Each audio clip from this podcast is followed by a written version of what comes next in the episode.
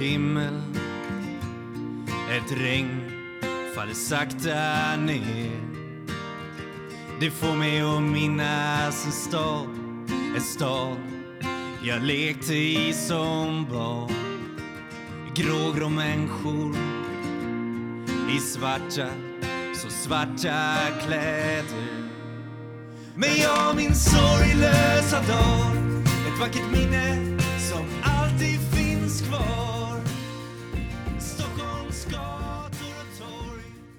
Hej och välkomna till ett nytt avsnitt av Beroendepodden. Eh, mitt namn är Anneli, för er som inte vet. Och eh, på hemsidan hittar ni in all info om Beroendepodden. Beroendepodden är en podcast om alla olika sorters beroende, medberoende och psykisk ohälsa. Eh, min mailadress finns där, det står vad vi mer gör, det står det finns en sida som heter Hjälp att få där det finns olika länkar till ställen man kan klicka på om man själv känner att man behöver stöd och hjälp. Eh, nu i morse när jag var ute på morgonpromenaden med min hund så fylldes jag av en sån otrolig tacksamhet. Eh, jag, jag är en väldigt tacksam människa. Det betyder mycket för mig att tänka på tacksamhet och vad jag har idag. Så, men ibland tappar jag det lite. Och, men i morse så kom det över mig igen. Eh, solen lyste, det började bli varmt, det började gå mot sommar. Jag gick med min hund och tänkte på podden. Och på alla fantastiska gäster jag har fått ha med än så länge och alla som jag kommer få ha med. Um, och på er lyssnare, för det är verkligen så att podden vore ingenting utan er lyssnare och eh, mina gäster och jag självklart också.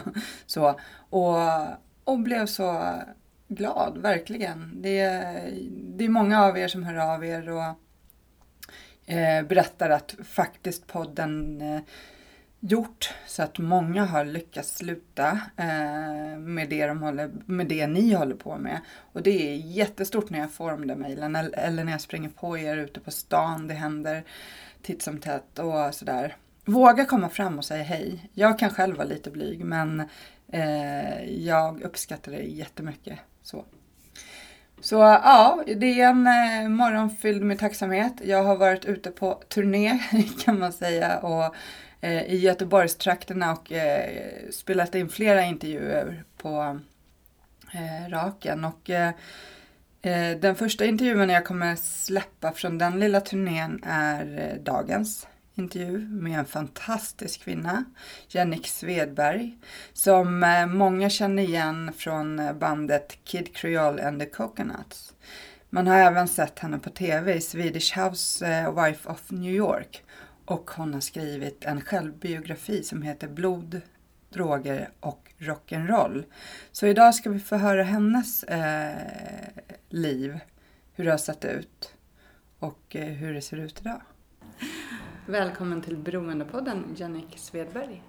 Tack. Eh, det är jättekul att få vara här i Göteborg och träffa mm. dig.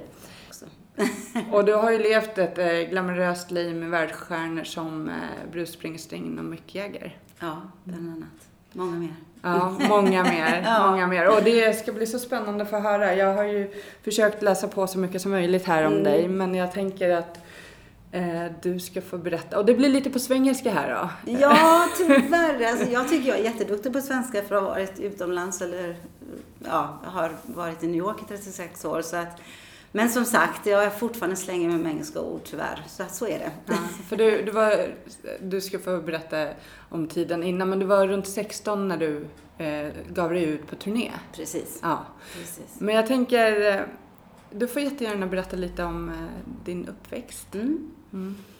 Det tänker jag göra. Och någonting som jag vill bara säga innan jag startar är att när jag gav ut min bok så läste min familj också den boken och alla har ett annat sätt att se barndomen på. Mm. Så att när jag berättar om min historia så är det verkligen min historia. Det är inte eh, historien av vår familj så som alla andra ser det, utan det är min historia, hur jag såg det och upplevde det. Och det tycker jag känns väldigt viktigt att säga för att mina syskon ser annorlunda. Mm. Hur många syskon är ni?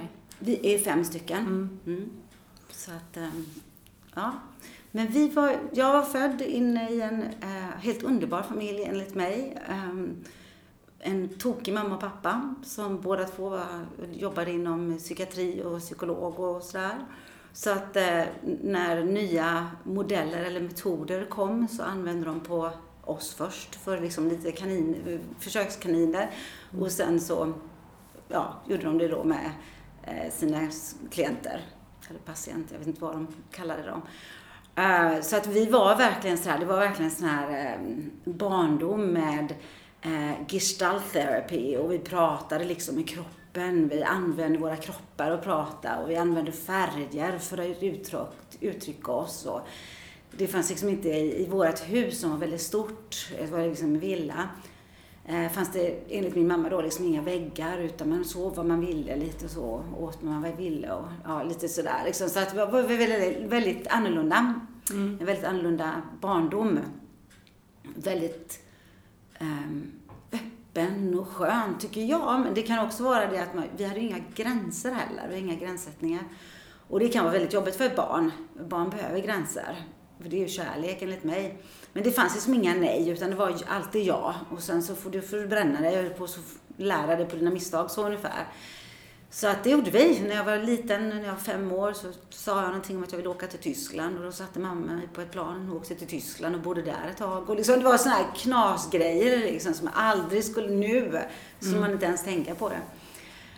Um, och eh, eftersom jag var en väldigt dansande människa, jag har alltid använt min kropp till, till att uttrycka mig, så eh, dansade jag ut mina känslor. Det var verkligen, nu kan man inte se över en podd, men liksom om jag var ledsen så gjorde jag det ledsen med kroppen och var jag glad så var jag glad med hela kroppen och sådär. Och så också då att jag, jag eh, arbetade jätte, eller pratade jättemycket färger, att jag kunde känna mig gul eller jag kunde känna mig blå eller grön eller sådär. Och familjen förstod det. Det var det, mm. det vi, så vi pratade. Och det är ju lite sådär jobbigt när man kommer in i skolan då. För så pratar inte andra människor. så jag blev väldigt mobbad som, som barn. Och det var ju jättejobbigt. Det är klart att det, det är en jobbig period. När vara liten, vara, komma in i skolan och så, och så bli mobbad på det. För att jag var lite knasig och knäpp och gjorde mina egna grejer.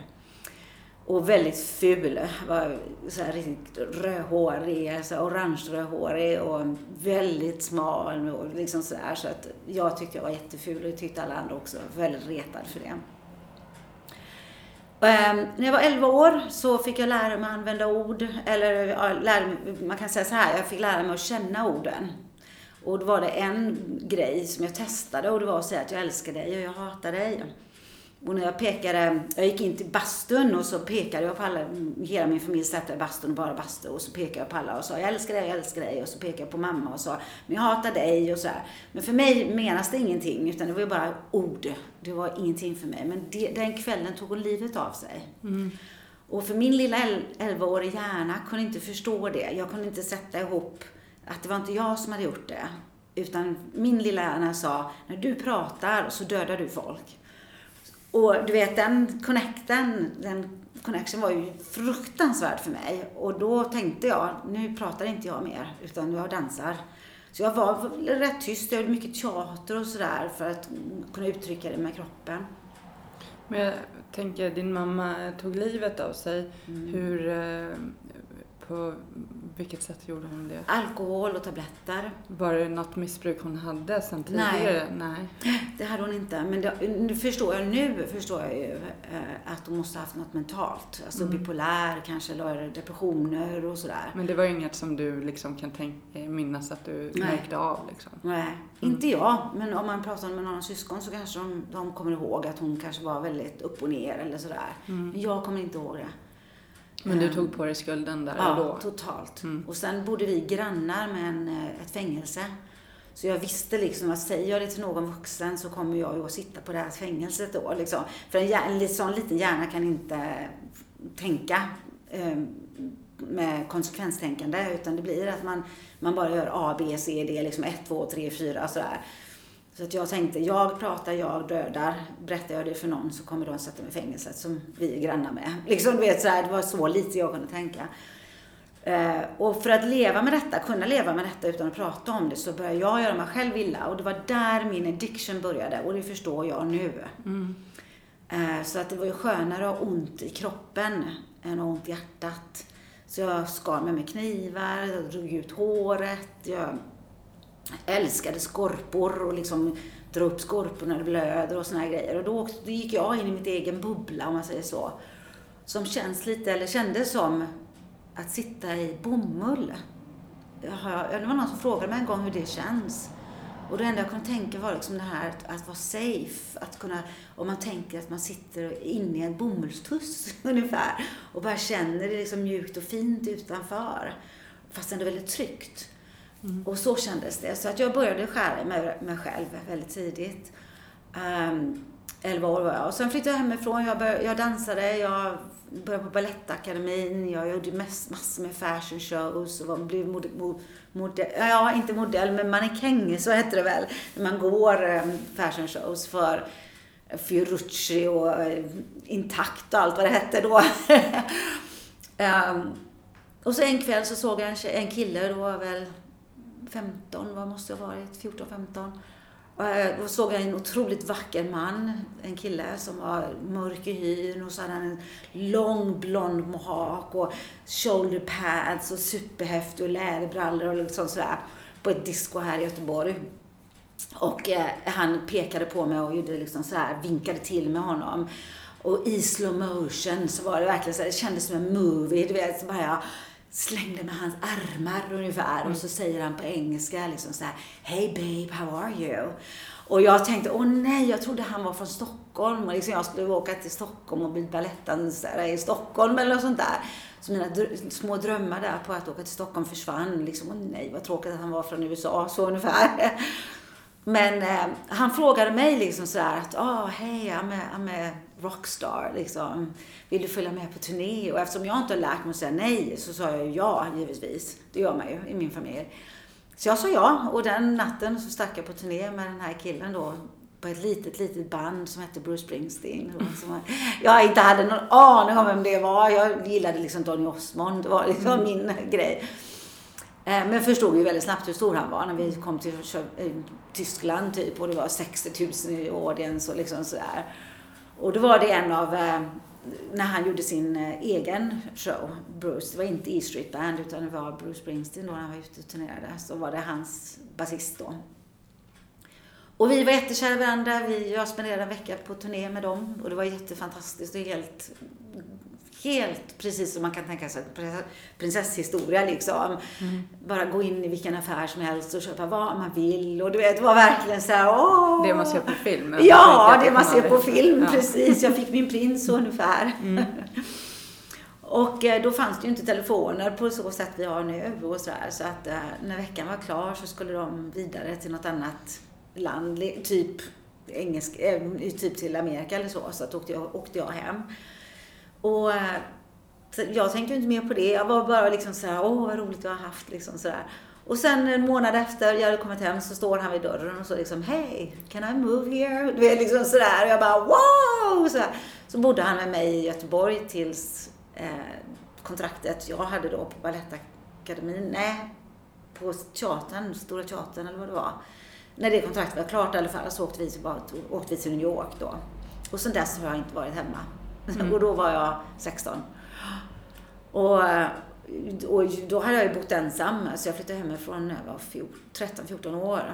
Flyttade hemifrån och hade min egen lägenhet här inne på Avenyn faktiskt. Då fick jag en lägenhet, helt fantastiskt. Men 13-14, det är ju galet. Ja, nej, men det är galet ja. är det. Men du vet, jag hade, först och främst hade jag en familj som var så, man gör precis vad man ville. Mm. Det fanns liksom inte gränser. Mm. Så ser jag det. Och jag flyttade för jag fick en lägenhet. Det var någon kille som hade dött och någon som levde. Du vet, bara kontakter. För det var ju inte alls som det är nu. Och sen fick, hade, jobbade jag jämt, för jag jobbade som dansare. Det var liksom min grej. Jag älskade ju att vara på scen. Det var, då uttryckte jag ju mina känslor. Så att um, jag hade jobb jämt som mannekäng. Det kallades så. Gud, jag tror inte ens man använder det ordet längre. Men vilket fall som helst så kom jag till New York och där gav han mig ett American Express-kort och sa See you later, liksom. Och han åkte iväg på turné igen och där stod jag, hade aldrig varit i New York och hade ett American Express-kort och bodde hur flott som helst och du vet. Och det enda jag ville var att bli en Broadway-dansare. På Cats hade jag tänkt mig att jag skulle bli. Mm. Så att eh, jag har aldrig gjort en audition för, förut. Eh, så att här i Göteborg var jag väldigt känd. Alltså vill man ha en dansare så visste man ju man, man skulle gå liksom, eller mannekäng. Um, ehm, så att jag hade aldrig gjort en audition. Så jag tänkte, men jag gör en audition så jag vet hur det känns och hur det går till och liksom sådär. Så jag gjorde det. Och jag fick jobbet och det var en coconut. Så jag blev ingen katt, jag blev en kokosnöt istället. och det var då Kid Creole and the Coconut som ville ha en ny kokosnöt och det jobbet fick jag. Och eh, jag visste inte vem de var alls, men när jag kom in i bandet var de jättestora. Alltså vi drog in så 60 000 i publiken. Mm. Så att eh, vi var jättestora. Och det var en fantastisk upplevelse. För jag var verkligen grön. När jag ser tillbaka nu så förstår jag att jag var ju bara ett litet barn, alltså 16 år. Då tyckte jag ju inte det. Jag var ju vettvuxen. Liksom. Men då kom jag ihåg att jag gick in på liksom the manager office när jag hade fått jobbet och jag skulle få mina kontrakt och allt det här. Och då hade det, jag hade liksom en stor klunga av folk som bara jobbade för mig. Liksom my hairdresser och liksom min bodyguard och liksom allt det här. Så här och shake hands. Jag förstod liksom, gud jag är nog antagligen rätt känd. Alltså jag fattade ju ingenting. Jag visste, jag hade ingen aning om vem de här var. Och så åkte vi på turné och då förstod jag ju att vi var ju jättestora. Det var ju, jag förstod varför jag behövde en bodyguard liksom. Mm. Och det var tio år av det absolut mest fantastiska åren i mitt liv och också de absolut värsta åren i mitt liv.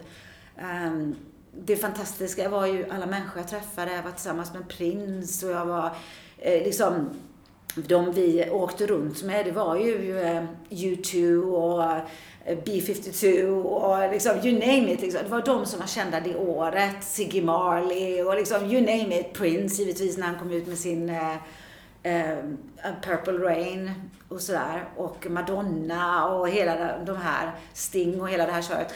Och det var ju, vad, vad, man gjorde då, det var liksom man åkte runt, liksom tr, tr, eh, hur säger man, köer nästan med, liksom med långa långtradare. Ett helt gäng. Och så körde man liksom hela sommaren tillsammans i stort sett. Så det var jättehäftigt. Mm. Och lära känna alla dessa, David Bowie och liksom sådär. Cindy Clawford, hon öppnade för oss. Och, eh, Cindy Lawford. Hon öppnade för oss och sådär. Ja, nej, det var verkligen fantastiskt. Men det är också ett väldigt ensamt liv. Så även om man är runt alla dessa stjärnor och sådär så är man väldigt, väldigt ensam. Och helst om man är riktigt känd för då kan du inte gå ut eh, utan en bodyguard. Och det är, jag hade i alla fall en uppfostran att liksom, han måste också sova och liksom sådär. Så jag ville ju att han skulle må bra och se ut, du vet. Så jag försökte inte gå ut för sent på nätterna för då måste ju han vara med hela tiden och sådär. Ja. Mm. Så att vilket fall som helst, det var ett väldigt ensamt liv. Um, och jag blev ju, alltså droger var ju fritt, givetvis. Vi betalade ju aldrig för någonting. Alkoholen var ju fri. Vi betalade aldrig någonting. Så det var ju bara att köra på. Det första året jag provade på kokain, då var jag i Brasilien. Och eh, det var polisen som kom backstage och gav oss kokain. Och det var liksom så här rock cocaine, det är ju det det kommer ifrån. De gör ju liksom, suger ihop det kan man säga, och så blir det rocks, liksom stenhårda bitar av det som egentligen är brunt. Ja, kanske var heroin då, men ja, nej, jag tror faktiskt det var kokain. Det sa de i. Och så bankar de sönder det sådär och sen så då choppar man upp det och så snortar man in sig det liksom. Och det har jag aldrig gjort i hela mitt liv. Jag visste inte ens vad det var. Så jag bara snortade in mig det och tyckte det var ju jätteroligt liksom. Och så fortsätter man de banorna. Och vi hade vårt eget plan så du vet, det var ju aldrig att man, man kunde liksom göra drogen när som helst. Så veckorna och dagarna och timmarna, det flöt bara ihop. Det blev liksom bara en on, att du är på turné eller så bor du på hotell i New York medan vi gör nästa skiva. Och så ut på turné igen och så gör du Och så höll jag på i tio år. Och det var jättejobbigt. Mm. så, helt fantastiskt. Jag, berätt, jag kan berätta hur mycket historier som helst liksom. Men samtidigt otroligt ensamt. Aldrig någon trygghet och ingen kontakt med familjen eftersom det fanns inga cellphones och jag visste aldrig var jag skulle vara och liksom sådär. Så att det var ungefär som efter tio år lagt av med kokosnötterna så var det som att vakna upp igen för mig. Det var som liksom bromsa in och liksom, tio år har gått fast det kändes som en minut. Och då, jag slutade på grund av att eh, jag blev väldigt kär i en man och det är också en av mina stora, stora Achilles heels, kan man säga det på svenska. Um, boven, mm. kan man väl säga, mm. um, är att jag är väldigt uh, codependent. Um, vad heter det på svenska? Medberoende. Medberoende, precis. Väldigt, väldigt medberoende. Och det var jag alltid på antingen kvinnor i mitt liv, alltså mina bästa vänner, eller killar. Till den grava eh, till den gravheten att jag till och med började klä mig som dem och prata som dem och gå som dem och ha samma frisyr som dem och liksom, jag var väldigt, väldigt så medberoende. Och då hade jag träffat en man som är väldigt stor, alltså inte stor och tjock utan stor, bara stor åra, energin enorm liksom sådär. Och han tog jätteplats liksom. Och han hade jag träffat och han hade sagt liksom, ska inte du och jag öppna upp ett galleri? Och eftersom jag inte säger nej utan jag alltid säger ja så sa jag givetvis ja. Och jag vet ingenting om konst överhuvudtaget. Men det fick jag ju bara lära mig jättesnabbt och vi flyttade in i ett jättestort hus på 92 gatan och levde superlyx. Jätte, bland annat för mina pengar givetvis, men också han var eh, i Stockmarket. Och eh, sen blev han konstnär. Men då öppnade vi ett galleri i New York. Vi bodde i det först, alltså på 92 gatan hade vi då det här jättestora huset. Där vi gjorde om hela huset till ett jättestort galleri. Och det, där kan jag berätta hur många historier som helst. För det var nog de bästa året i mitt liv tror jag. Samtidigt som jag gick ner i träsket de åren. Men det, alltså, jag var ju mitt i kleten av konstvärlden i New York och det var helt fantastiskt. Och det här är alltså 80-90-talet. Nej, det här är 92 började det. Och det ser väldigt annorlunda ut än vad det gör nu. För då var det fortfarande farligt i New York. Och konstnären bodde liksom fortfarande i Soho. Och det var fattigt och liksom... Mm. Ja, Andrew Warhol var fortfarande live. Och, eh, ja, det, det var verkligen rått. Det var underbart enligt mig. Eh, och då öppnade vi det eller bodde i i stort sett eh, det här jättestora huset då på 92 gatan och gjorde shower och hade helt fantastiskt. Och i New York så är det så här att eh, det är väldigt viktigt för en kvinna att gifta sig. Det är bättre att du har varit gift och är skild än att inte ha varit gift alls. För då är, det, då är något fel på dig. Och det här är, det är viktigt och det, har, det är fortfarande lite så stämplat i New York och nu får jag säkert massa mot, mothugg här. Men det, det var för mig och var, var väldigt viktigt. Så när den här mannen då sa att vill du gifta dig med mig? Det var nog den bästa dagen i mitt liv. För då blev jag också, min medberoende blev så jätteglad. För då kunde jag äntligen försvinna bakom henne. För i USA så säger man då Mrs Peter Tunney, så man säger hans namn. Mm. Mitt namn försvinner totalt. Så att jag då blir bara en Mrs och så hans namn. Och för mig var det äntligen. Äntligen får jag lov att dö. Så kändes det verkligen. Äntligen får jag lov att bara försvinna. Och så får han ta över helt. Och alla pengarna hade jag gett honom och allt liksom, han hade mitt liv totalt. Och jag hade bara blivit en lite tyst, dansande ja, lort, liksom, i bakgrunden sådär. Tittar man tillbaka på de åren så ser jag ut, när jag tittar på kort, som att jag har my shit together. Jag liksom ser ut som att jag lever väldigt bra. Men det gjorde jag inte. Utan jag blev väldigt beroende på tabletter. Jag blev väldigt beroende på ehm, tabletter som är heroin egentligen, fast de är i tablettformat. Uh, kunde inte leva utan det. Och det var inte... läkaren som skrev ut det? Ja. Mm. Vad som hände var att när Peter väl hade frågat mig om han skulle gifta sig och jag äntligen fick lov att dö, för det var det verkligen, så såg jag det. Uh, så kunde jag börja leva. Och när han en månad innan vi skulle gifta oss säger att han vill göra slut, och eh, även när jag säger det nu så känner jag att det kommer gråt upp i halsen. Oh, wow, vad äckligt det var. Um, för det var nog det värsta som kunde hända mig just då, var just det här att, att inte få lov att dö, utan måste leva, fortsätta leva. Um, mm. Vad konstigt att det var så emotionellt idag. Um, I vilket fall som helst, när det hände så gick jag in i en blackout. Och det här är en emotionell blackout, så inte en alkoholblackout. Och kunde liksom inte... Jag kunde inte förstå att jag skulle behöva leva vidare. För jag ville så gärna dö. Och när, när han sa det då så åkte jag in i en blackout. Och då var jag en blackout i en vecka. Jag kommer inte ihåg den veckan alls. Och jag vaknar upp i en, eh, i en, eh, ett office, en doctor office och en, en kvinna, en doktor som ger mig ja, jag vet inte hur många tabletter hon ger mig, men det är en speciell tablett och som heter Oxycontin som hon ger mig, som är heroin på tablettform. Och när jag tar den här tabletten så, dog jag. Alltså det var verkligen sådär. woof, då var jag inne i det här molnet igen som jag pratade om. Det var det här, att jag behövde inte känna, jag behövde inte leva, jag behövde inte eh, ta ansvar. Utan jag kunde liksom bara försvinna in i ett, ett moln. Och den dagen bestämde jag mig för att det här kommer jag aldrig sluta med. Det här var mitt svar.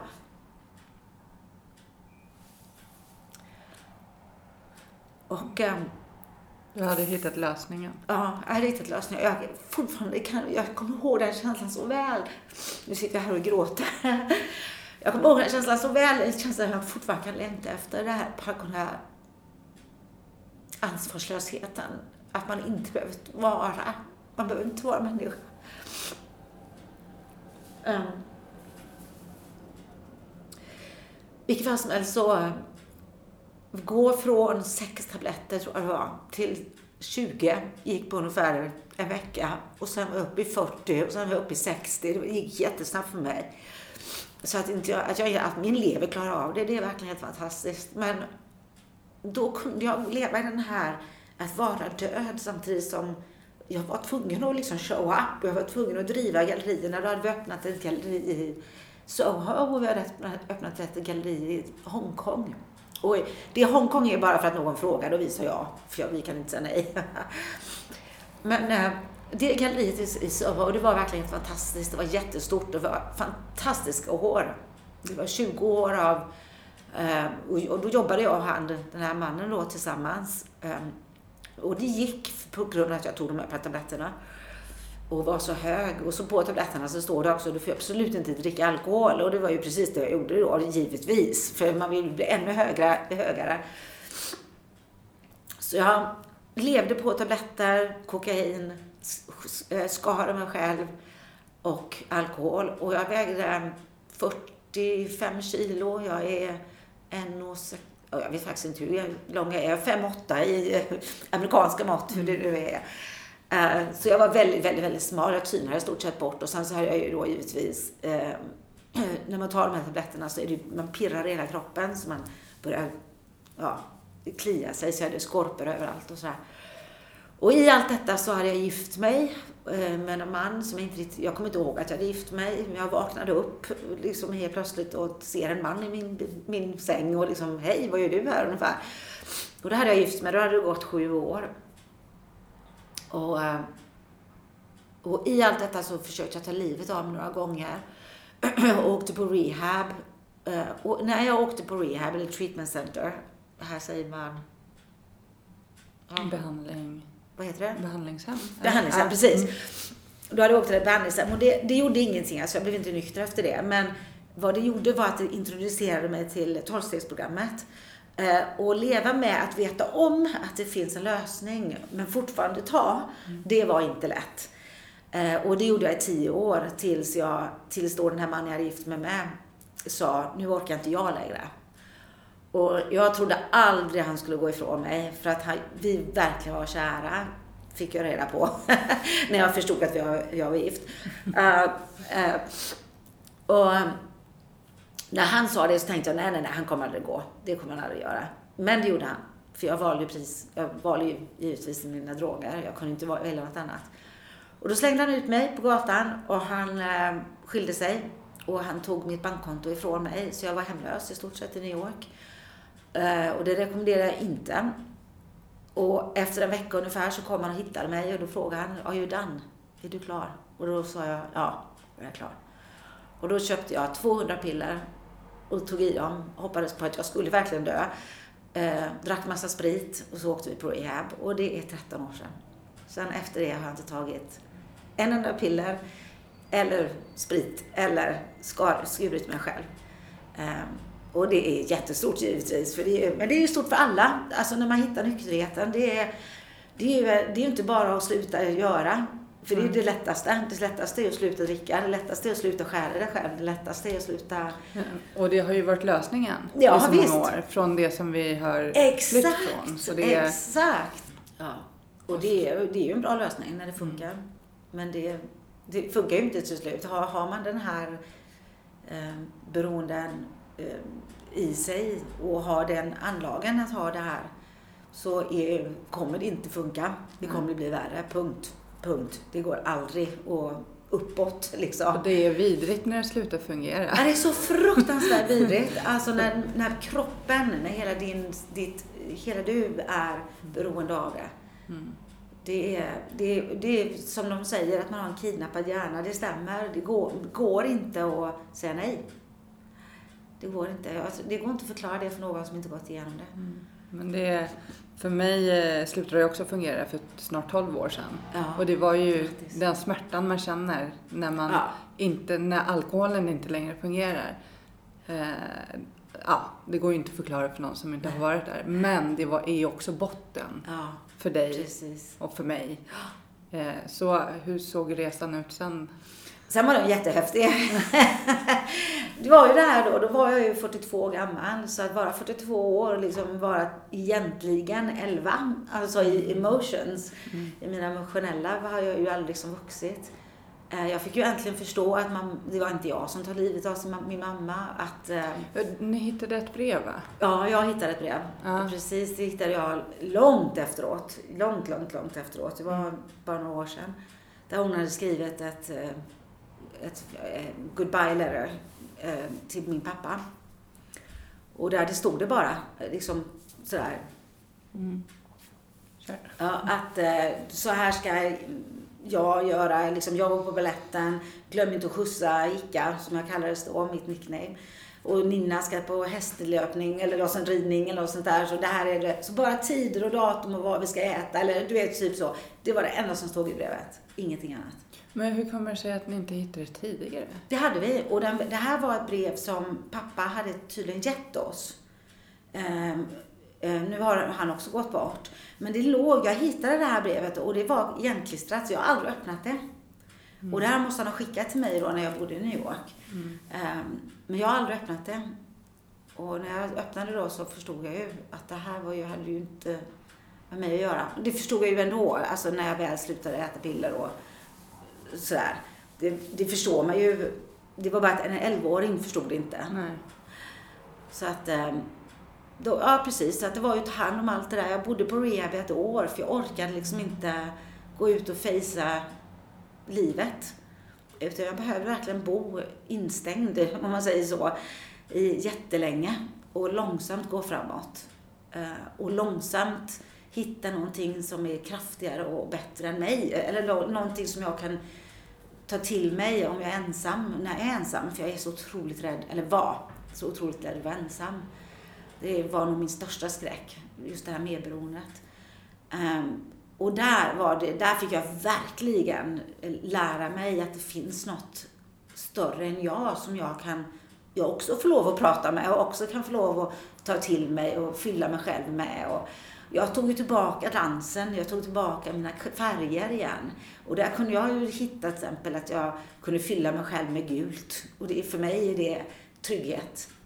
Eh, eller säga, börja prata istället mitt språk som var dans, movement och eh, färger. Även om jag inte är en konstnär, för jag är verkligen inte. Men, men det var helt fantastiskt. Jag träffade, jag, jag fick en gudinna in i mitt liv som kom och jag fick liksom, det var väldigt vackert. Jag hade, en väldigt, jag hade verkligen den där spiritual experience som man pratar om. Där jag verkligen fick någon som kom och klonkade mig på huvudet i stort sett och sa hej, jag är här och så här. Det var en, en gudinna. Eh, och sen flyttade jag tillbaka till New York och då ringde New York-fruarna mig, eller TV3 rättare sagt. och frågade mig om jag ville vara med på någonting som hette då Svenska New York-fruar. Och det visste inte jag ens vad det var. Jag menar, jag har bott i rehab liksom. Och eh, då sa de att ja, men du, du kan googla något som heter New York, eller Hollywoodfruar. Och då var det Anna Anka va, som var med bland annat. Och, så här. och då är det faktiskt första gången i mitt liv som jag sa nej. Och jag var så här, nej det här tänker jag verkligen inte vara med Och jag tänkte lite så här, vad har hänt med Sverige? Tänkte jag. och, ehm, men då kom min gudinna väldigt starkt in i mitt liv och sa att det ska du visst göra. På norska, hon är norsk gudinna, så hon sa nej du ska, det här ska du göra då. Och liksom eh, eh, var med på ett program och, och berätta hur det känns att leva som du har levt i det här dubbellivet med ett utåt som kan vara glamour, typ. Men sen den här skadan inne i och mental skada. Alltså jag har ju varit jag förstår nu att jag har haft depression hela mitt liv. Mm. Och att jag behöver få hjälp med det. Att inte leva i den här eh, self-talk, det här hemska eh, self-talk som jag gör till mig själv. Vara ful, vara hemsk, vara inte värd att vara på den här planeten och hela det här. Att jag måste ta tag i det. Och det gjorde jag ju. Och då, det, det var hon väldigt så här, det ska du göra. Så att det ska du göra på TV3. Och det ska, eller TV4 var det kanske. TV4 var det. Ja, nej, nej, TV3. Nej, TV3 är det. Ja, precis. TV3, ja. Och det ska du göra och det ska du göra på det här programmet. För varenda människa i Sverige tittar på de här programmen. Och jag tänkte, åh herregud, det här är inte klokt. Men okej, det sa min gudinna. Så då sa jag, ringde tillbaka och sa ja. Och de spelade in det och det var faktiskt, jag tycker själv att, det, att jag ser, det är liksom, de har gjort det rätt bra. Och just det, den programmet som jag är med i, där, de, där jag pratar just om det här dubbellivet, det gör de i slow motion. Mm. Och det tyckte jag var rätt häftigt gjort, för det är precis lite så jag har levt, i slow motion. Uh, så det var faktiskt bra. Jag tackade för den, den tiden. Det var en säsong och sen var, ville jag, då hoppade jag av liksom. Men uh, det, var, det var bra och det, på det sättet tycker jag också den här bygg, uh, bron tillbaka till Sverige men hur var responsen? För jag, tänker också att bakom den här fasaden av lyx och glamour och allt mm. sånt här. Hur mår människorna? Det är klart att det är olika, det är individuellt. Men det är också den här prestationen, man ska ha mycket pengar och allt ska mm. vara, man ska väl kanske bräcka varann i både utseende och ja. inkomst och allt oh ja. möjligt. Och hur bra och mår man, man av mår det också? väldigt ensam. Ja. Alla kändisar är jätteensamma. Och jag tror inte folk förstår det. Utan jag, jag jobbar nu jobbar jag ju med det här. Jag har ju, mm. ja, det här är mitt yrke nu. Och jag jobbar bland annat med ungdomar som har det här. Liksom, de vill vara kändisar, de vill ha stora bröst eller stora läppar och stora, mm. liksom allt det här. Och de förstår inte vad som ligger bakom det.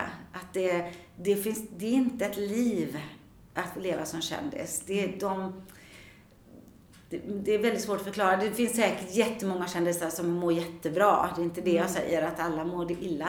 Men det är inte lätt, för du kan inte gå ut på gatan. Du kan inte bara göra vad du vill när som helst och hur mm. som helst. Det går inte. Och att man kanske inte vågar öppna upp sig för en annan person Precis. heller, för att man inte vet man blir dömd. Ja, eller ja. ger konsekvens, alltså på ett annat sätt. Absolut. Jag menar, går eh, Lady Gaga ut och säger någonting så kanske alla 15-åringar gör det. Mm. Så hon får passa sig på de ord hon säger. För mm. jag menar, alltså, det är ju, man har ju så otroligt ansvar. Mm. Nu ligger de på en helt annan klass än vad jag någonsin har legat på. Men, men ändå, alltså det här är ju, det är ett, ehm, det är ledsamt att vi går mer och mer mot det och nu att vem som helst kan bli kändis mm. genom Instagram eller sådär. Att, och då blir det det här, då ska man se ut på ett speciellt sätt och man ska mm. vara speciellt. När jag ser eh, att vad hjärnan, liksom hur stor din hjärna är.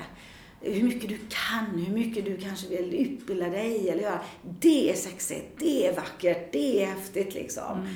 Inte hur du ser ut på utsidan utan det är insidan och det, speciellt din hjärna. Mm det här med att vara hungrig på att lära sig saker och sådär, det älskar jag. När jag ser det hos folk, helst ungdomar, eh, ser jag då, ja, då vet jag att liksom, det här kommer gå bra. För man är nyfiken och man är öppen för att tänka annorlunda kanske. Och just exercise your brain, det står jag väldigt mycket för. Mm. Så att, um, Ja.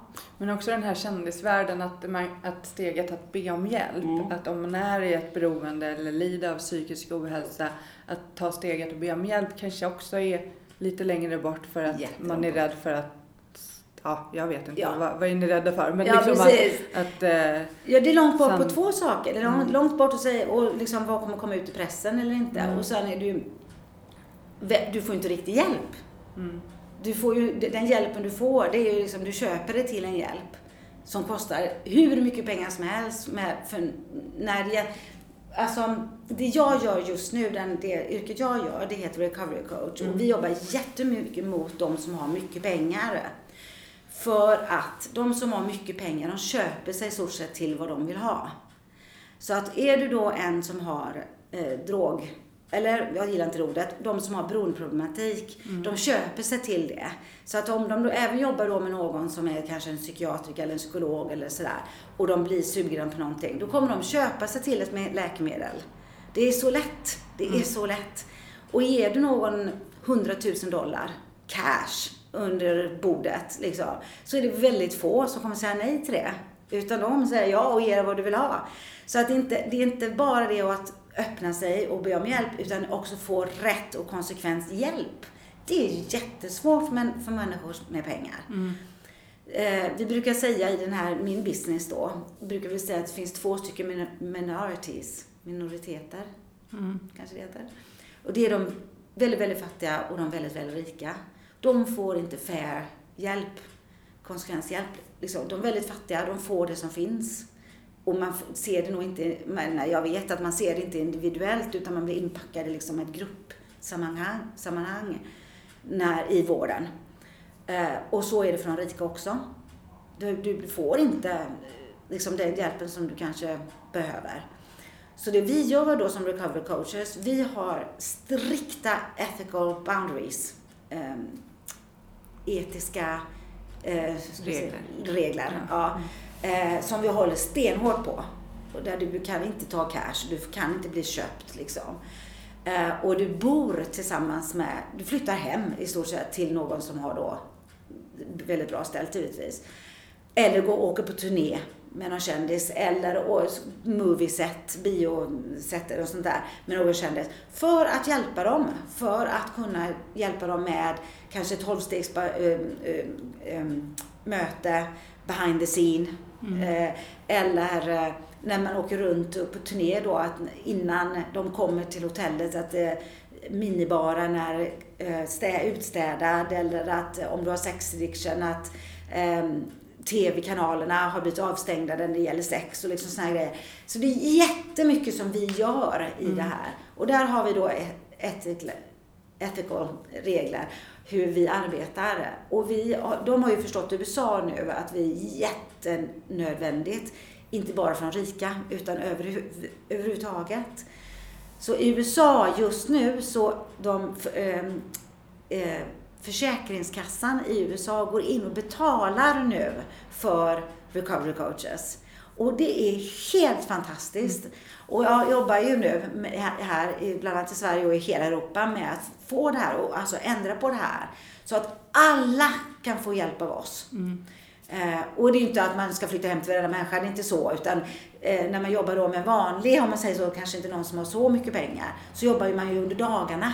Men man jobbar på det som funkar. Mm. Så man jobbar på de här känslorna, till exempel att till exempel att jag, om man tar, tar jag, hade jag haft en recovery coach så hade jag, vi kanske gått och tagit dansklasser och vi hade eh, kanske börjat måla i färger. Alltså så, här. så att min hjärna gör saker som triggar igång den positivt, inte negativt. Och att vi tar hand om känslorna, fast inte som en terapeut, utan att man då jobbar inom ett team av recovery coach, terapeuter, psykiatriker och så här. Men att recovery-coachen är en case manager kan man nästan säga. Mm, mm. Så att jag vet vilka tabletter min klient tar. Jag vet vad man gör i stort sett varenda sekund av dagen. Man jobbar med hela familjesystemet. Man jobbar med eh, wellness plan, daily plans och liksom sådär. Eh, alltså det här yrket är ett booming yrke i USA givetvis nu, speciellt nu när försäkringarna har öppnat upp. Eh, och det är ett up and coming nu i Europa. Vi blir ju mer och mer kända.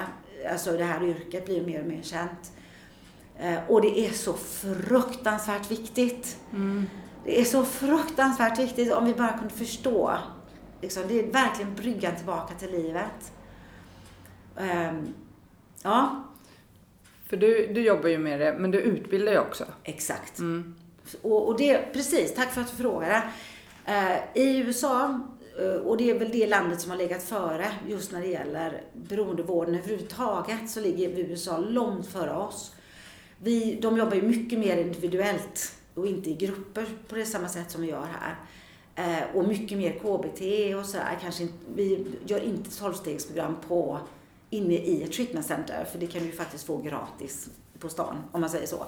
Så att det gör man inte på i USA nu, utan man jobbar ju mycket mer holistiskt. Alltså tittar på individuellt vad en människa behöver. Och sen gör man en plan runt det. Mm. Ja. Och äm, där då ingår det recovery coaching, äh, att du har det med dig. Och i ungefär 25 år sedan så Steve Tyler, som är um, sångaren i uh, Aerosmith, mm. Aerosmith han uh, coined det här, alltså namngav det här namnet då, Recovery Coach, för att han åkte på turné och kunde inte hålla sig sober, nykter, det gick inte. Så han anställde någon och sa att du ska hålla mig ren. Liksom.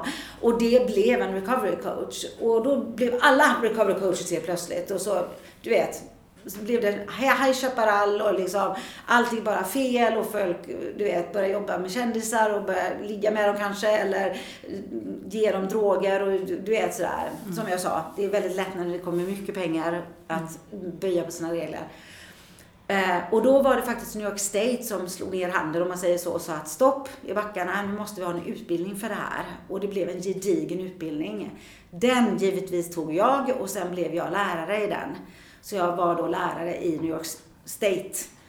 Och den utbildningen tog jag till, till Europa mm. och har gått igenom nu en europeisk board. Så att den utbildningen jag ger ut här är nu eh, reglerad för Europa. För vi har alla kulturer här är väldigt annorlunda. Kulturen i Spanien är helt annorlunda än kulturen här i Sverige. Så när man jobbar som en recovery coach är det väldigt viktigt att man vet sin egen kultur. Um, och det gäller till liksom hur man äter besticken, förstår du jag menar? Till hur, hur drogerna är där. Till vilka slags eh, familjesystem det finns. För de är jätteannorlunda i hela Europa. Eh, och då har den här utbildningen då är specifikt utbildade man till eh, länder. Mm. Så att Italien får sin specifika utbildning, Sverige får sin specifika utbildning. Och det har då blivit då eh, godkänt från EU. Som är, jag är så glad, jag har jobbat så hårt på det här och är stolt så, som en tupp att det här har gått igenom. Um, men uh, ja, så att det, det är jätteroligt, verkligen. Och du har ju en utbildning nu i Sverige som är i juni. Mm. Och det finns fortfarande platser kvar? Ja, det finns mm. det. Eh, jag försöker ha små grupper så att eh, det är nog inte många platser kvar för vi kommer också köra den på online, mm. på Zoom. Eftersom Corona nu så kan mm. vi inte göra den live. Eh, men vad vi har bestämt oss för, för att vi är ju ett team nu, den här utbildningen då, som, är, som har gått tillsammans då för att göra det här. Um, och vi har bestämt oss för att alla som tar den online får um, ta den live med mig senare när Corona har lyft lite. Eh, för mycket, mycket billigare pengar. Så att man får också uppleva den live. För det, det, jag är väldigt intens när jag utbildar. För jag vill att du ska vara perfekt. Jag vill verkligen att den som kommer ut och blir en recovery coach och arbetar inom det här yrket inte ska göra bort sig eller ska eh, göra bort sig kanske man gör men inte ska bända på, de, eh, på reglerna. Och också ska kunna förstå alla metoder och modeller som ges och när man gör det, hur man gör det och sådär. För det är verkligen en gediget utbildning. Man kan bli utbränd väldigt snabbt om man inte tar hand om sig själv. Mm. Så att, eh, ja. Och jag ska ju faktiskt gå den. Ja, ja gud jag roligt! Jag längtar, längtar jättemycket. Men jag tänker, eh, en...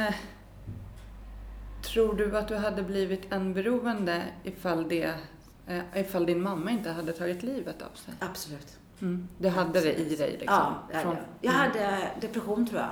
Mm. I mig. Och plus att jag blev mobbad. Så tror jag att det, det liksom, jag har alltid haft en, en känsla av att jag inte hör till en känsla av att jag inte får lov att finnas här. En, en känsla av att um, jag är ful och liksom jag, ja, sådär. Och det blir ju jättejobbigt. Så jag tror att även om du inte har ett beroende i din släkt, och nu har jag massor med sånt i min släkt också, men om du inte har det så kan man bli beroende av bara att man dricker för mycket. Alltså i social sammanhang, mm. alltså i fel gäng, fel skola, fel äh, människor runt dig. Inte fel, men att du tar det fel. Alltså det är ju inte deras fel, det är hur man tar det själv och att man mm. kanske inte pratar om det. Det är så otroligt viktigt att vi pratar om det här. Att stigma försvinner så att barnen kan komma upp och liksom säga mamma och pappa har ett problem eller mamma och pappa jag vill försöka det här eller eller i alla fall pratar om det på ett annat sätt än vi gör, vi gör nu. Sluta använda de här fula orden vi gör. Liksom, utan har, det här är en sjukdom, eller om, även om det inte är, tro vad du vill om det är sjukdom eller inte. Men det här är ett problem, som alla problem i, som gäller inom sjukvården. Alltså sockerberoende, eller vad heter det, eh, diabetes, eh, cancer. Alltså, all, om man tänker så här. Om jag hade haft eh, hudcancer till exempel. Men jag, och det har jag tagit bort säger vi, och så sitter jag och solar. Det är lite grann kan man säga att, men vad, vad, det är ju lite knasigt, eller hur? Alltså, då frågar ju nästan om att få cancer igen, mm. eller hur? När folk säger, men sluta och drick, bara sluta drick, det är ju bara att sluta. Nej men det går inte, alltså man kan inte, det är inte det att vi är människor som har liksom en låg eh, dålig karaktär. Dålig karaktär eller ja precis eller något sånt där. Utan det är verkligen, vi kan inte. Och då kan inte vården säga så här, men du har redan varit på rehab så det blir inget mer för dig. Mm. Liksom. Nej, utan är du sjuk och behöver vård, då ska du få vård och du ska få det med en gång. Så fort någon kommer och säger liksom, hjälp, pang ska du få hjälp. För den där luckan när någon mm. säger hjälp, mm. den är, kan vara en sekund. Mm. Och det, det är just det där när jag får mail, jag får ju jättemycket mail tack vare podden. Ja. Och jag hinner inte svara på allt. Men jag ser vilka mail jag måste svara på direkt och det är de ja. som eh, liksom, nu är jag mottaglig för hjälp. Precis. Så. Då, då kan man inte vänta en, två dagar eller nej, nej, en vecka utan oh. då måste man ju svara direkt och liksom. För att nästa dag så är det stängt igen. Det kanske man inte alls Absolut. vill ha hjälp eller liksom mottaglig för för det. Precis. Det... Och även familjerna. Jag menar, jag tänker på när de som ringer mig oftast i familjen. Jag klarar inte det här längre. Ja, vi har en aff liksom. Och då mm. Kanske man får gå in och göra en intervention på, på själva familjen. Och då, det gör man inte som det är på TV. Jag har sett något program som heter Missbruk, tror jag, något sånt där på TV. Eh, där de gör interventioner som är väldigt, man läser brev och de vet inte om att de kommer och så. Och det är fruktansvärt, så gör man inte längre. Mm. Um, men vilket fall som helst, det kanske man får göra. Och sen, men sen är ju det här, precis som du vet också, det här, okej okay, nu tar vi bort din bästa vän. Det som du tror har funkat. Mm. Liksom det som har varit lösningen på dina mm. problem, det ska vi ta bort nu. Och så ska du, vi ersätta det med någonting. Men det här med att ersätta, det är det mm. som jag, jag ser är, vi, det funkar inte i Sverige. Vi har inte jag har inte sett än så länge någon bra eh, vård, vård här i Sverige som, kan er, som ersätter det där. Utan man åker på kanske 28 dagars rehab och så har man ingen uppföljning. Alltså uppföljningen blir kanske telefonsamtal, hur mår du? Eller sådär. Det går inte. Är det stor skillnad, alltså på, för det är en fråga jag hade också eh, just på vården mm. i andra länder och mm. mot Sverige. Som ja. Inte Europa. Nej. Där ligger vi nästan före, kan man säga. Europa har jättedålig vård. England har väldigt okej, okay, för där jobbar det mycket recovery coaches. Det har blivit jättestort. Eh, men USA ligger långt före oss. Långt, långt, långt. Där mm. jobbar recovery coaches. Har du en treatment center, vi säger ett treatment center här i Sverige, de skulle ha, eh, ha då recovery coaches i deras treatment center som följer med, med, alltså som först lär känna människan när de är där lära känna eh, eh, familjen och börja arbeta med familjen medans den loved one, som jag brukar säga, är på treatment. Och sen hjälper de när de kommer hem och är med. Och det, jag vet inte hur lång tid det kan ta. Det kanske tar 90 dagar, det kanske tar 180 dagar, jag vet inte. Men mm. att man, man är med. Och är, tar man ett återfall, det är inte hela världen. Alltså, nu ska mm. inte folk ta återfall här. Mm. Men att man inte gör det sådär dramatiskt utan då har du, har du verktygen, har du lärt dig verktygen vad man gör efter ett återfall, där är det liksom yes! Då ställer vi oss upp igen och så fortsätter vi på den där fantastiska vägen som du och jag har, har gjort tillsammans som mm. recovery coach. Vi ställer oss där och så går, fortsätter vi och går. För du har känt lyckan när du jobbar med mig. Du har känt den där känslan som jag kände när jag var liten när jag fick dansa och vara gul. Den får jag känna när jag jobbar med en recovery coach. Så jag vill inte ta drog längre. Men har du inte en recovery coach så är det lite grann upp till dig. Och det är inte lätt när man har det här. Den här sjukdomen eller hur vi nu ska, vill kalla det. Det är inte lätt. Och då har vi tolvstegsprogram och de är fantastiska. Men det är, det är bara en del, det är en bit. En stor bit, men det är en bit. Så det finns det massa andra möten också. Men nu, eh, hur tänker du kring den här coronapandemin som är nu, som är livsfarlig för oss beroende, när vi is- Ah, behöver isoleras och kanske ja, vara helt själva med våra tankar. Alltså även om man har lång nykterhet så eh, ska Åh, vi inte herregud. vara där för länge heller liksom. Eh, Våra hjärnor är nog the worst enemy, right? Eh, Tack för att du frågade den frågan. Så att jag är uppbokad från mm, morgon till sent på nätterna eftersom jag jobbar med New York väldigt mycket fortfarande. Eh, med Zoom. ja. Och, och verkligen håller kontakten kanske flera dagar, alltså gånger om dagen med mina klienter. Och har på Zoom då. Jag skulle faktiskt egentligen åkt igår. Då skulle jag fått avboka till Grekland och flytta in med en, en, en stor familj i Grekland. Eh, och de skulle flyga över ett privatflyg hit för att hämta upp mig och åka till Grekland och bo där med dem i en månad. Men det körde fast sig för att man kan inte få en test här i Sverige. Jag kan inte gå och testa just mig. Nej. Och bara för att inte jag kan gå och testa mig så kunde jag inte åka. Så att, och jag har mycket att säga om Sverige. jag blir vansinnig. Men, ja, men jag tror att eh, sakta men säkert så kommer Sverige get hip to it. Vi måste bara ändra på sättet vi tänker på det här. Det är lättare än vad vi tror om vi får rätt hjälp. Men man kan inte bara fnysa på folk som har liksom, går in och ut och in och ut som en jojo liksom på treatment center eller öppenvården eller liksom sådär. För de får inte den rätta hjälpen. Och är det så att man- det tar sju gånger eller åtta gånger, ja, so be it. Då tar det så många gånger. Man får aldrig upp en annan människa. Ge aldrig upp. Och jag har ehm, familjer som kommer till mig som kanske har en 16-åring eller 15-åring och säger till mig, ja fast du vet, de är ju så unga, de kommer ju fortsätta med det här. Och jag är liksom så här, det spelar ingen roll. Om jag får dem under mitt nät så kan jag i alla fall lära dem vad det här är. Så att då får de, fortsätter de så vet de om att det finns en annan väg, precis som jag fick reda på första gången jag åkte på treatment. Och, annan, och att det finns en annan lösning känner jag. Exakt. För att när man är sådär ung och mår dåligt eh, och som jag gjorde när jag, alltså jag minns ju att jag mådde dåligt redan som tioåring Ja. liksom. Och så hittade man alkoholen som fick en att liksom fyllas och man blev något, självkänslan Ah. växte lite och så här. Och att då få, om, hade någon sagt till mig att så här, men det finns en annan lösning. Ja. Du kan må sådär ändå. Ja, Så hade kanske inte allt behövt hända som hände sen de andra åren liksom. precis. Som jag känner. Tänk om någon hade bara snappat upp det här. Mm. Eller hur? Tänk om någon hade pratat med mig- efter mamma hade dött. Tänk om jag hade fått en psykolog efter det. Förstår du menar? Varför, så, varför var det ingen som liksom... Här har vi ett barn, här har vi massor med barn i en familj där mamman har tagit livet av sig.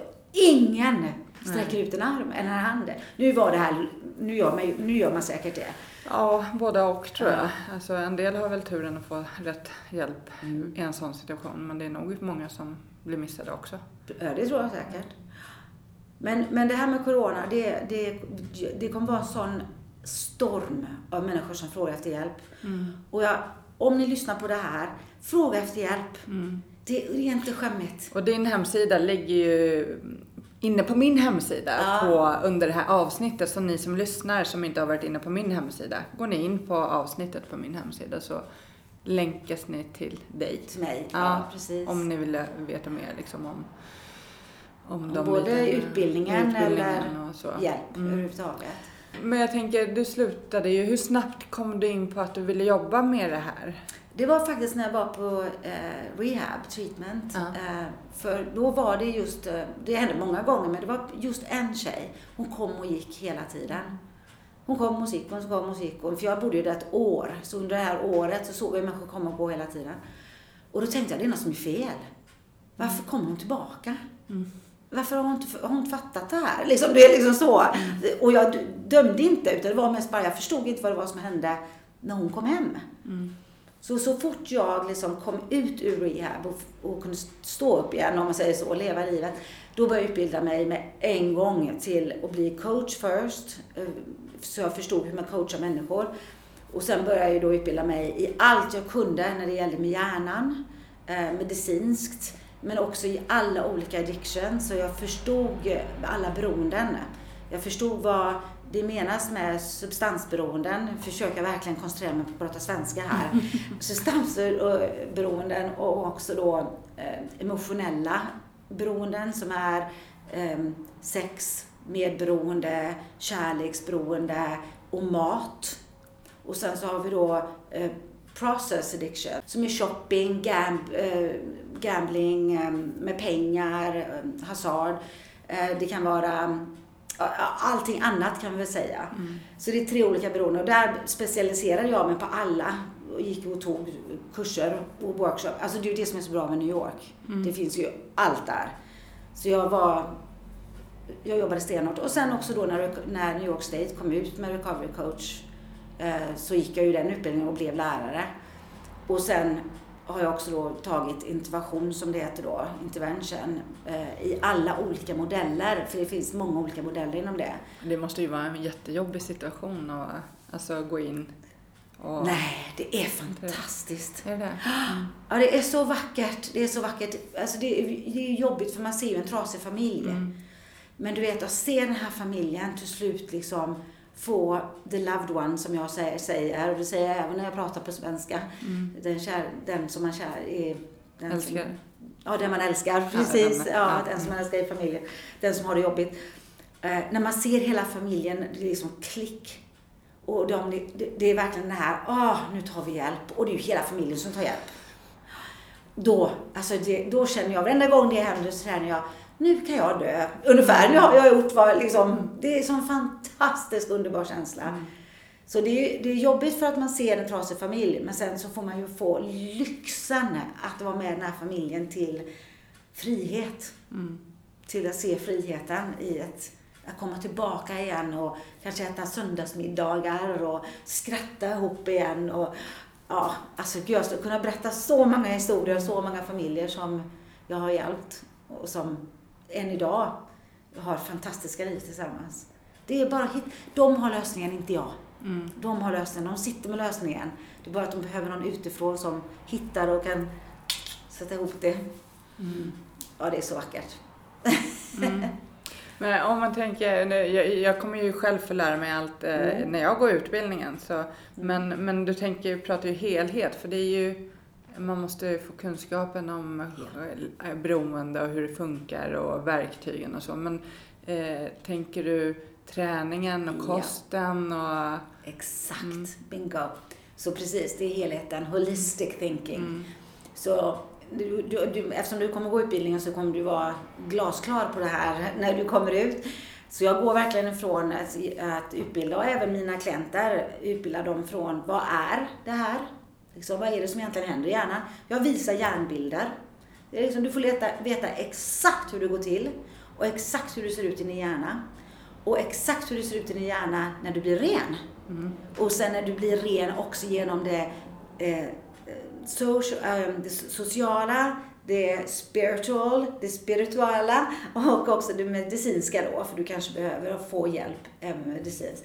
Vad händer i hjärnan då? Och det är aha!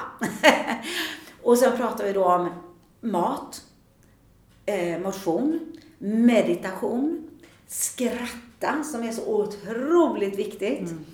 Eh, ömhet och kärlek. Och då menar jag inte med sex utan bara att ta på andra människor. Jag vet att det är coronatider nu, men jag tänker på inom familjen till exempel. Eh, en man och en kvinna, eller en kvinna och kvinna, man, man. Att kunna ta på varandra. Och, och den, hur ener- energin i det. Eh, att kunna umgås i ett rum och, och med energin och sådär. Så att det är så mycket man lär sig. Och det är också det vi arbetar med sen när vi arbetar med klienter. Och det är så fantastiskt för det är ingen som arbetar på det sättet i vården överhuvudtaget. Utan man arbetar med problemen oftast.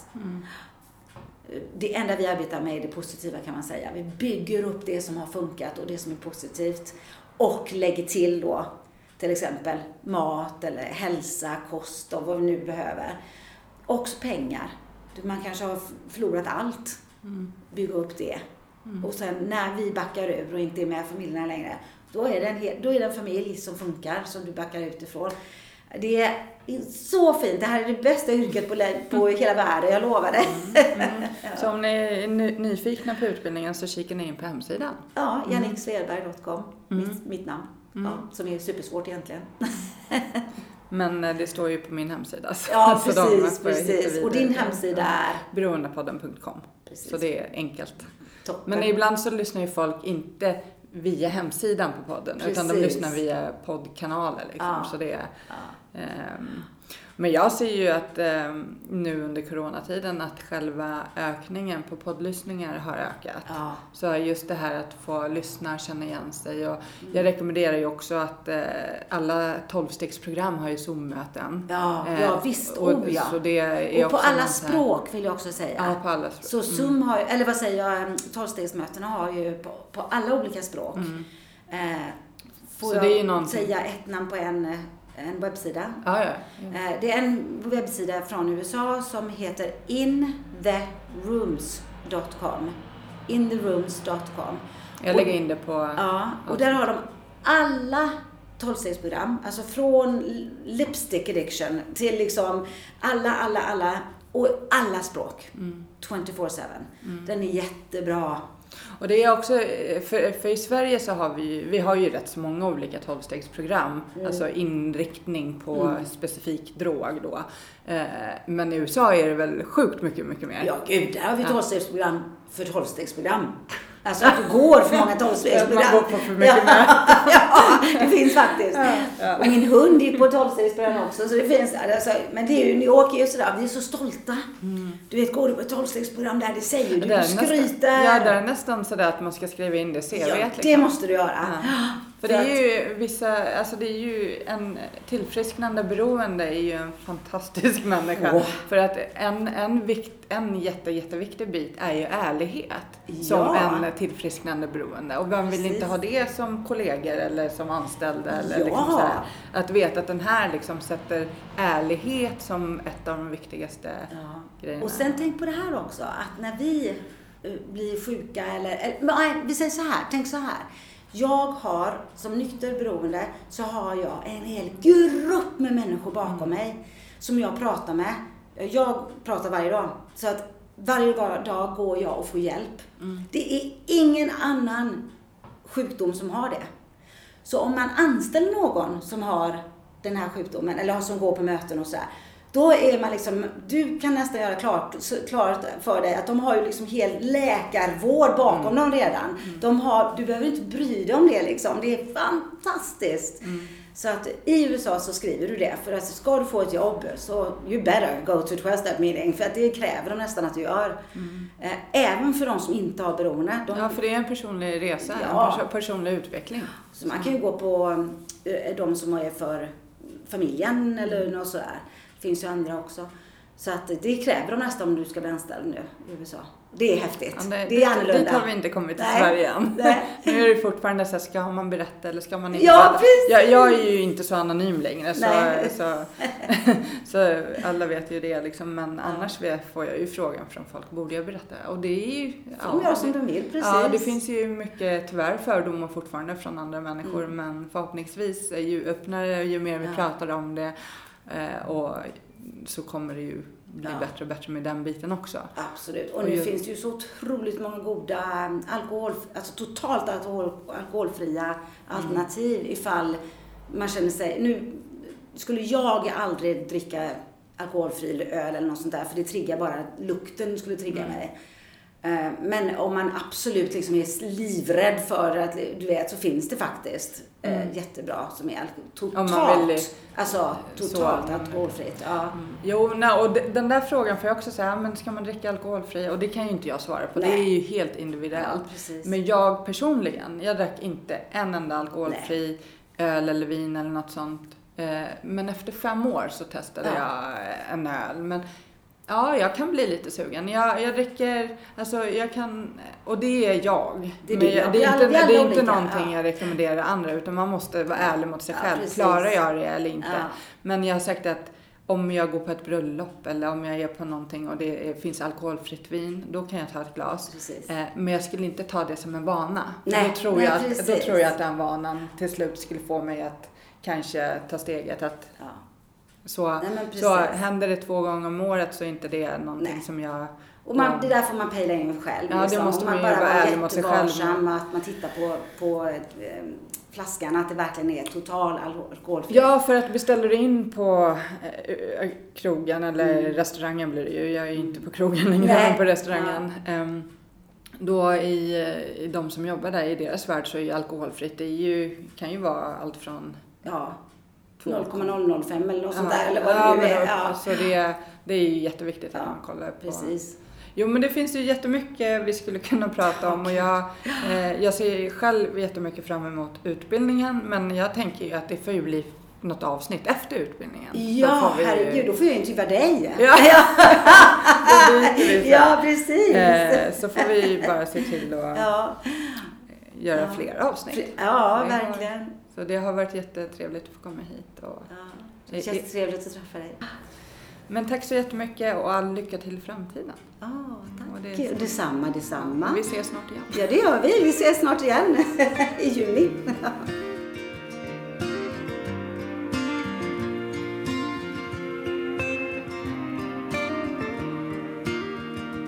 Mörk himmel Ett regn faller sakta ner.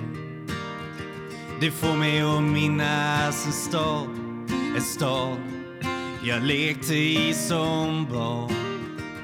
Grågrå människor i svarta, så svarta kläder. Men jag min sorglösa dag Ett vackert minne som alltid finns kvar. Stockholms gator och torg Ett liv så långt ifrån sorg ba, ba, da, da. Ba, ba, da, da. Ba, ba, da, da, da, da, da, da, da. Ba, ba, da, da. Ba, ba, da, da. Ba, ba, da, da, da, dam, da, da. En dyster T-baneperrong ett liv inrutat i betong. Stäng ut det andra med musik. Fokusera allt på att bli rik. Här finns en dyster atmosfär. Ett liv kretsat kring karriär. Men jag min sorglösa dag. Ett vackert minne som alltid finns kvar. Stockholms gator och torg Ett liv. Så långt ifrån sorg. Ba, ba, da, da. Ba, ba,